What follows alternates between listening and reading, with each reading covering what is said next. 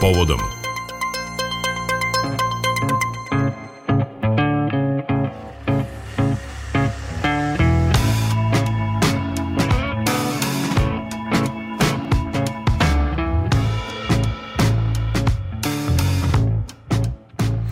Nakon možda istorijskog 27. februarskog briselskog sastanka Vučića, Kurtija i Borelja svako od učesnika je izveo svoj zaključak, odnosno zaključak iz svog ugla. Tako je, na primjer, evropski komesar za spoljnu politiku Jose Borelj nakon sastanka rekao da su se Vučić i Kurti iza zatvorenih vrata usaglasili da se može preći na razgovore o primeni sporazuma, dok nema potrebe za daljim razgovorima, kada je o samoj sadržini sporazuma reč.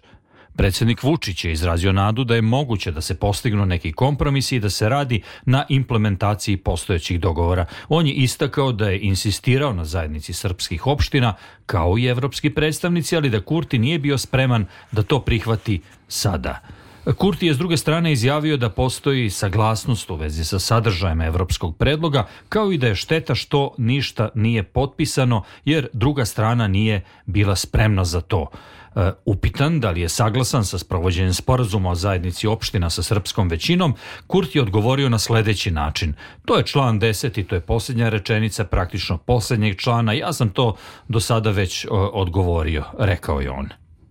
Na šta se Srbija obavezala nakon ovog sastanka? Da li ovo de facto priznanje, da li ovim sporazumom dobijena ikakva garancija za osnivanje zajednice srpskih opština, koja je pravna snaga sporazuma na koji postignut, na koji je postignuta samo usmena saglasnost i kakva je sada pozicija e, zemalja u Evropskoj uniji koje do sada nisu e, priznale Kosovo. To su samo neka zanimljiva pitanja koje nekako se proizlaze iz ovog e, dogovora. E, o svemu tome razgovarat ćemo sa profesorom Fakulteta za poslovne i pravne studije u Novom Sadu, e, Vladimirom Medovićem. Dobar dan. Dobar dan vama i vašim slušalcima. E, Ajde da krenemo od onih odmah nakon što je završen sastanak, nakon izjava učesnika, da ustanovimo kako ste vi to razumeli, da li je nedvosmisleno to da su se svi saglasili sa tim osnovnim predlogom Evropske unije, dakle tim dogovorom, pa ćemo kasnije u priču uvući i aneks.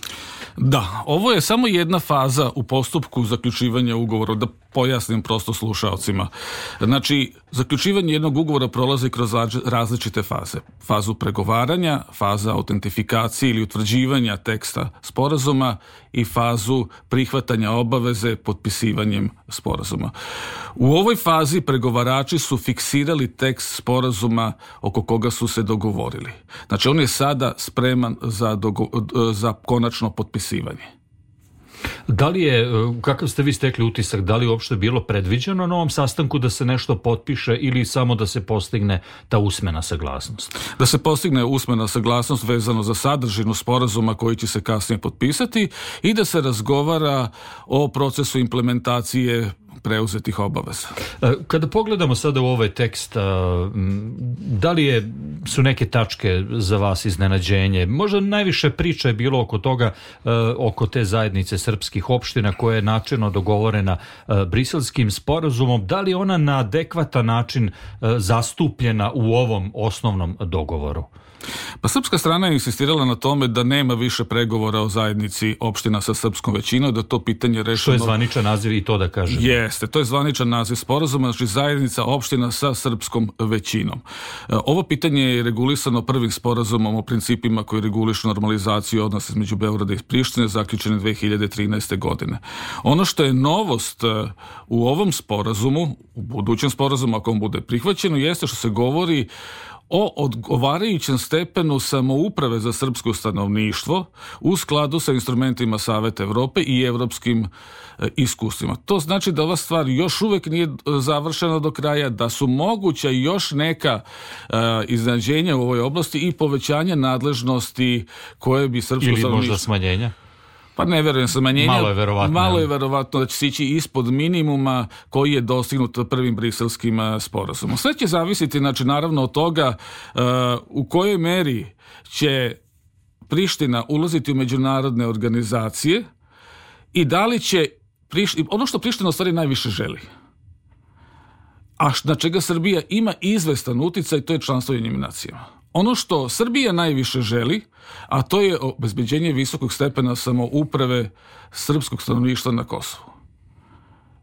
I upravo oko ovih pitanja će se voditi završni pregovori pre potpisivanja konačnog pravno obavezujućeg sporazuma o sveobuhvatnoj normalizaciji odnose među Srbije i Kosova. Predsednik Vučić e, je juče u emisiji na RTS-u rekao da on ostaje pri ranije iznetim tvrdnjama, da je crvena linija za njega, dakle to da apsolutno neće formalno priznati uh, Kosovo ime tog Kosovo kao nezavisnu državu i da neće nikaka, nikada dozvoliti da Kosovo uđe u Ujedinjene nacije. Ovo se na izvesni način malo kosi e, sa ovim što ste vi rekli. Na koji način mislite da ćemo mi ta, to parče kolača koje Priština želi, a to je status u jedinim nacijama, e, moći e, da trguje, da li mislite da ćemo moći da trgujemo i da li uopšte želimo s tim da trgujemo? Pa članstvo jedinim nacijama svakako ne zavisi od Srbije. Znači da bi jedna da bi jedan entitet postao članica Ujedinjenih nacija, potrebno je da prođe odgovarajuću proceduru koja je predviđena uh, propisima same te organizacije, u slučaju povelju jednih nacija. Da bi jedna država postala članica, potrebno je da je preporuči Savet bezbednosti, da donese odgovarajuću odluku, znači najmanje 9 od 15 članica Saveta bezbednosti je potrebno da glasa za tu odluku, da ni jedna od stalnih članica Saveta bezbednosti ne ne uloži veto. Zatim stvar prelazi u generalnu skupštinu gde država postaje članica ako je izabere dve trećine članica Ujedinjenih nacija. U ovom trenutku Kosovo nema tu većinu. U ovom trenutku Kosovo je priznalo negde oko polovine članica Ujedinjenih nacija. Postoje izvesne analize, teze, pretpostavke da čak i kada bi se Srbija složila da Kosovo uđe u Ujedinjene nacije, da jedan broj zemalja Evropske unije, ali i jedan broj zemalja u svetu se ne bi sa tim složio. Kako vi gledate na to? Pa ovde postoji jedna, ako pogledate sam tekst e, osnovnog sporazuma, postoji jedna razlika među člana 4 i člana 5. Član 4 govori o tome da se Srbija neće protiviti članstvu Kosova u, među, u bilo kojoj međunarodnoj organizaciji. Imate i član 5 koji se odnosi na put Kosova i Srbije ka članstvu u Evropskoj uniji. U tom članu se kaže da obe strane neće blokirati jedna drugu, niti ohrabrivati druge da blokiraju drugu stranu na putu ka članstvu Evropske unije. Znači, postoji jasna razlika između obaveza Srbije prema članu 4 kad se govori o ostalim međunarodnim organizacijama i članu 5 gde se jasno govori da Srbija neće ohrabrivati druge države da blokiraju Kosovo ka članstvu u Evropskoj uniji. Da li to znači od ovog trenutka i koji je to trenutak kada taj dogovor počinje da važi? Što se tiče ovog evropskog puta i Srbije i Kosova, on je već definisan bio briselskim sporazom iz 2013. godine. Onog momenta kad je Srbija potpisala briselski sporazum 2013. godine, ona je pristala da Kosovo ide svojim posebnim putem ka članstvu u Evropsku uniju. Članstvo u Evropsku uniju podrazumeva i članstvo u Savetu Evropi. Ni jedna e, država nije postala članica Evropske unije da prethodno nije bila članica Saveta Evrope. Obe ove organizacije su otvorene samo za države. I ako gledate načelno sa stanovišta međunarodnog prava, nema nikakve razlike da li će Kosovo biti članica Saveta Evrope, Evropske unije ili od njih nacija. Mi često doživljavamo uh, članstvo u Ujedinjenim nacijama kao krajnji dokaz državnosti nekog entiteta, što uopšte nije tačno. Imali ste primjera u prošlosti da su među osnivačima Ujedinjenih nacija bili entiteti koji tada nisu bili nezavisne države. Indija postala je nezavisna država tek dve godine kasnije, Filipini, Australija, Kanada, Novi Zeland. Mnogo kasnije su stekli puno nezavisnost od Velike Britanije. Među osnivačima Ujedinjenih nacija bile su i Ukrajina i Belorusija – koje su kao takve figurile od 45. godine pa sve do raspada Sovjetskog saveza 1991. godine. Dakle, članstvo u jednim nacijama nije nikakav krunski dokaz nezavisnosti neke nekog političkog entiteta. A da li je prvih pet tačaka ovog sporazuma de facto dokaz nezavisnosti ovog entiteta? Ne, zato što se uh, ovde to je samo dokaz jedne činjenice da je Kosovo poseban pravno-politički entitet. Ali Kosovo je poseban pravno-politički entitet još od 1999. godine kad je doneta rezolucija 1244. To još ne znači da je Kosovo postalo država. Da bi nešto postalo država mora da ispuni određene kriterijume. Stanovništvo, teritorije, da bude najviša vlast na toj teritoriji. Ovo poslednje, ako ništa drugo, sporno, zbog toga što postoje jasna ovlašćenja i međunarodne civilne misije i međunarodne vojne misije na Kosovu. Dakle, vi ne smatrate da je ovo priznanje, ovaj e, dogovor e, o normalizaciji odnosa, naglašavam, Srbije i Kosova, da je to u stvari ne, to priznanje. nije znači ni implicitno ni de facto e, priznanje osim toga u preambuli samog predloga sporazuma se jasno kaže da ovaj sporazum neće prejudicirati različite pozicije strana vezano za status. Da, e, sledeći sastanak Vučića, Kurtija i Borelja biće održan 18. marta u Makedoniji. Do tada je najavljen intenzivan rad na usaglašavanju mape puta ili tog famoznog aneksa za implementaciju. Juče je e, televizija Dukađini mislim da se tako zove, objavila nešto zašto tvrde da je aneks tog sporazuma, e, tu se pominje nekakvi rokovi od 150 dana od trenutka usvajanja i tako dalje. E, da li vam to izgleda verodostojno, da li uopšte vredi komentarisati u ovoj fazi zapravo taj e, papir koji se juče pojavio? Mislim da je nezahvalno u ovom trenutku komentarisati tako nešto, takvu vest, e, pre svega da je to utvrđeno kao tako, onda bi to bilo potpisano i uneto kao aneks e, u ovaj sporazum. Očigledno da oko toga postoje još problemi i da će se oko toga još pregovarati. Da li na kraju puta oko celog ovog dogovora očekujete nekakvo zvanično potpisivanje, pominje se nekakav 23. mart? Verovatno bi ovaj sporazum trebao da rezultira znači, nekim svečanim potpisivanjem. Kažem, ovo je bila samo jedna faza u procesu zaključivanja sporazuma, faza autentifikacije, fiksiranja teksta budućeg sporazuma koji će, kad bude aneks 1 pripremljen, kad se bude dogovorila mapa puta, biti spreman za svečano potpisivanje. Ali to neće biti taj uh, famozni pravno obavezujući sporazum koji će regulisati odnose Srbije i Kosova, odnosno Beograda i Prištine, koju god terminologiju da koristimo, mada vidimo da u ovom dogovoru se pominje Srbija i Kosovo. Ovo će biti pravno obavezujući sporazum, ali ovo neće biti sveobuhvatni sporazum o normalizaciji odnosa. Dakle, to znači, će biti tek završni taj... Tako je. On reguliše jedno pitanje. Ovaj sporazum se uglavnom odnose na pitanje predstavljanja Kosova u međunarodnim odnosima, na e, članstvo Kosova u međunarodnim organizacijama, na obaveze obe strane vezano za dobrosusedske odnose i njima se još utvrđuju, utvrđuju neka pitanja koje treba da budu naknadno rešena, kao što je recimo status Srpske pravoslavne crkve, zaštita srpskih kulturnih i religijskih spomenika na Kosovu. Da, e, najveći problem sa briselskim sporazumom je bio taj utisak, a čini mi se možda i realnost da smo mnogo toga dali, a da zapravo ono što smo hteli da dobijemo tu zajednicu srpskih opština, da to nismo dobili. E, da li vidite prostor u ovom dogovoru za opet izvrdavanje tako nečeg? E, mnogi su rekli da ne postoje kvalitetne garancije za zajednicu srpskih opština na osnovu samo ovog dogovora.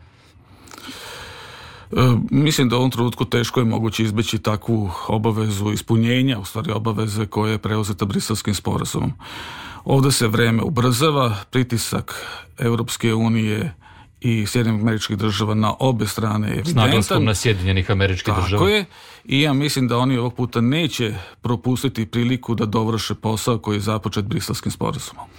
Kakva će biti pozicija zemalja u Evropskoj uniji, onih pet zemalja koji nisu priznale E, Kosovo kao e, državu za razliku od većine ostalih zemalja Evropske unije nakon e, postizanja ovog dogovora?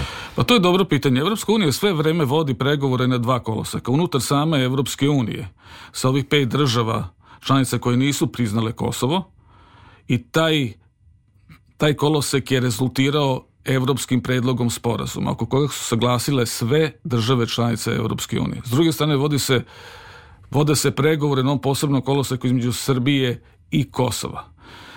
U kojoj meri će to uticati na stav Španije, Kipra, Slovačke, Rumunije i Grčke da priznaju Kosova, Kosovo nakon ovog sporazuma ostaje nejasno.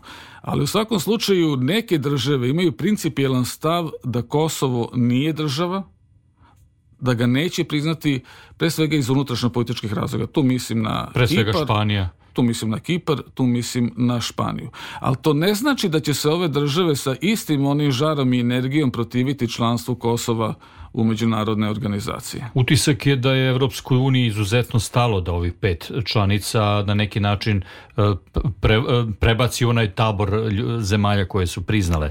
E, Tako je, samo da, jedna stvar, znači, da, da. sad se pitanje, osnovno pitanje jeste članstva Kosova u Savetu Evrope. Kosovo ima većinu, dvotrećinsku većinu država članica za članstvo Saveta Evrope. Ali je teško preći pre svega Evropskoj uniji preko čvrstog e, stava Španije i ostalih država članica Evropske unije koje se tome protivi. Ono što Evropska unija želi to je da obezbedi prvo konsenzus među svojim državama članicama. Znači, ako ovaj sporazum bude potpisan, Španija i ostale države članice Evropske unije koje do sada nisu priznale Kosova, kažem, neće se više tako žestoko protiviti članstvu Kosova u Savetu Evrope. A kako ocenjujete mogućnost ponašanja Rusije u narednom periodu, naravno u skladu sa onim šta se bude dešavalo na terenu u Ukrajini, naravno pričamo o ratu, o situaciji sa e, Luganskom, sa Krimom i tako dalje. Da li možemo tu verovati u nekakvu principijelnost Rusije? Ovde se gaji se jedan veliki sentiment e, prema Rusiji, međutim mnogi kažu da će se Rusija ponašati izuzetno pragmatično u, u određenim okolnostima. Rusija će se ponašati u skladu sa svojim sobstvenim interesima, kako proceni da je to za nju najbolje. Ako proceni u jednom momentu da je potrebno priznati Kosovo kao nezavisnu državu i omogućiti njeno članstvo u Ujedinjim nacijama, da bi se promovisalo jel tako, ovaj, nezavisnost onih ocepljenih delova Republika, mislim tu na Gruziju, na od teritorije, na aneksiju teritorija Ukrajine, onda će na to svakako učiniti. Ako proceni da ima i dalje da je e, nerešavanje pitanja Kosova ostavlja i dalje neki prostor za utice na Zapadnom Balkanu, ono će se protiviti članstvu Kosova u jednim nacijama i drugim organizacijama, ali u svakom slučaju Rusija će procenjivati svoje sobstvene interese.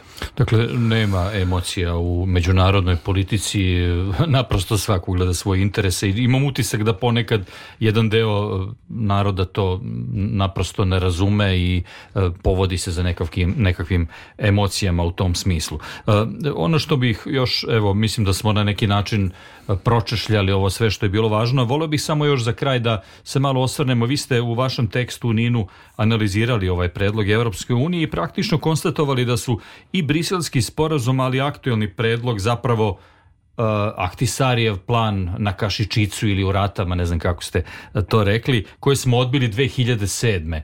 godine. Podsjetit ću, tad su istorijske okolnosti bile takve da u tom trenutku Kosovo još nije bilo proglasilo e, nezavisnost. Malo je teško možda govoriti o kontinuitetu naše politike, jer tada je na čelu države bila Koštuničina vlada, ako se ne varam. E, kakve su tada bile okolnosti? Da li bi bile, da li smo možda tada mogli e, da dobijemo bolje karte u tadašnjem trenutku? Što se tiče znači, samouprave za Srbe na Kosovu, svakako da. Kosovo je tada bilo spremno da učini sve što je trebalo radi dobijenje bilo kakve nadgledane nezavisnosti. I u takvim okolnostima mislim da je bilo mnogo lakše trgovati sa Prištinom i mnogo lakše obezbediti veću samoupravu za srpsko stanovništvo na Kosovu. Onog momenta kad je Kosovo proglasilo nezavisnost i kada su ga priznale gotovo sve evropske države, takva prilika je otišla daleko. E sad pitanje, ono što je osnovno pitanje jeste koliko je Kosovo stalo do članstva u jednim nacijama i koje ustupke je spremno Kosovo da napravi prema srpskom stanovništvu kada je reč o stepenu samouprave za to stanovništvo. Pa evo, ovaj, to smo na neki način postavili na početku i s ovim smo završili i e, neki naši e, slušalci malo razmisle o tome, a ono što sledi, šta, kakav, kakvu dinamiku poteza očekujete u narednom periodu u vezi sa ovim e, dogovorom? Mislite da je to sve manje više izvesno? Pa ako se ne dogodi neko krupno iznenađenje, očigledno je da su stvari dovedene do kraja i da već negde pred kraj marta možemo očekivati svečano potpisivanje ovog evropskog sporazuma. Profesor Medoviću, hvala vam što ste govorili za povodom Radio Novog Sada. E, dakle, profesor Fakulteta za poslovne pravne studije u Novom Sadu, Vladimir Medović, bio je naš gost. Hvala vam. Hvala vama.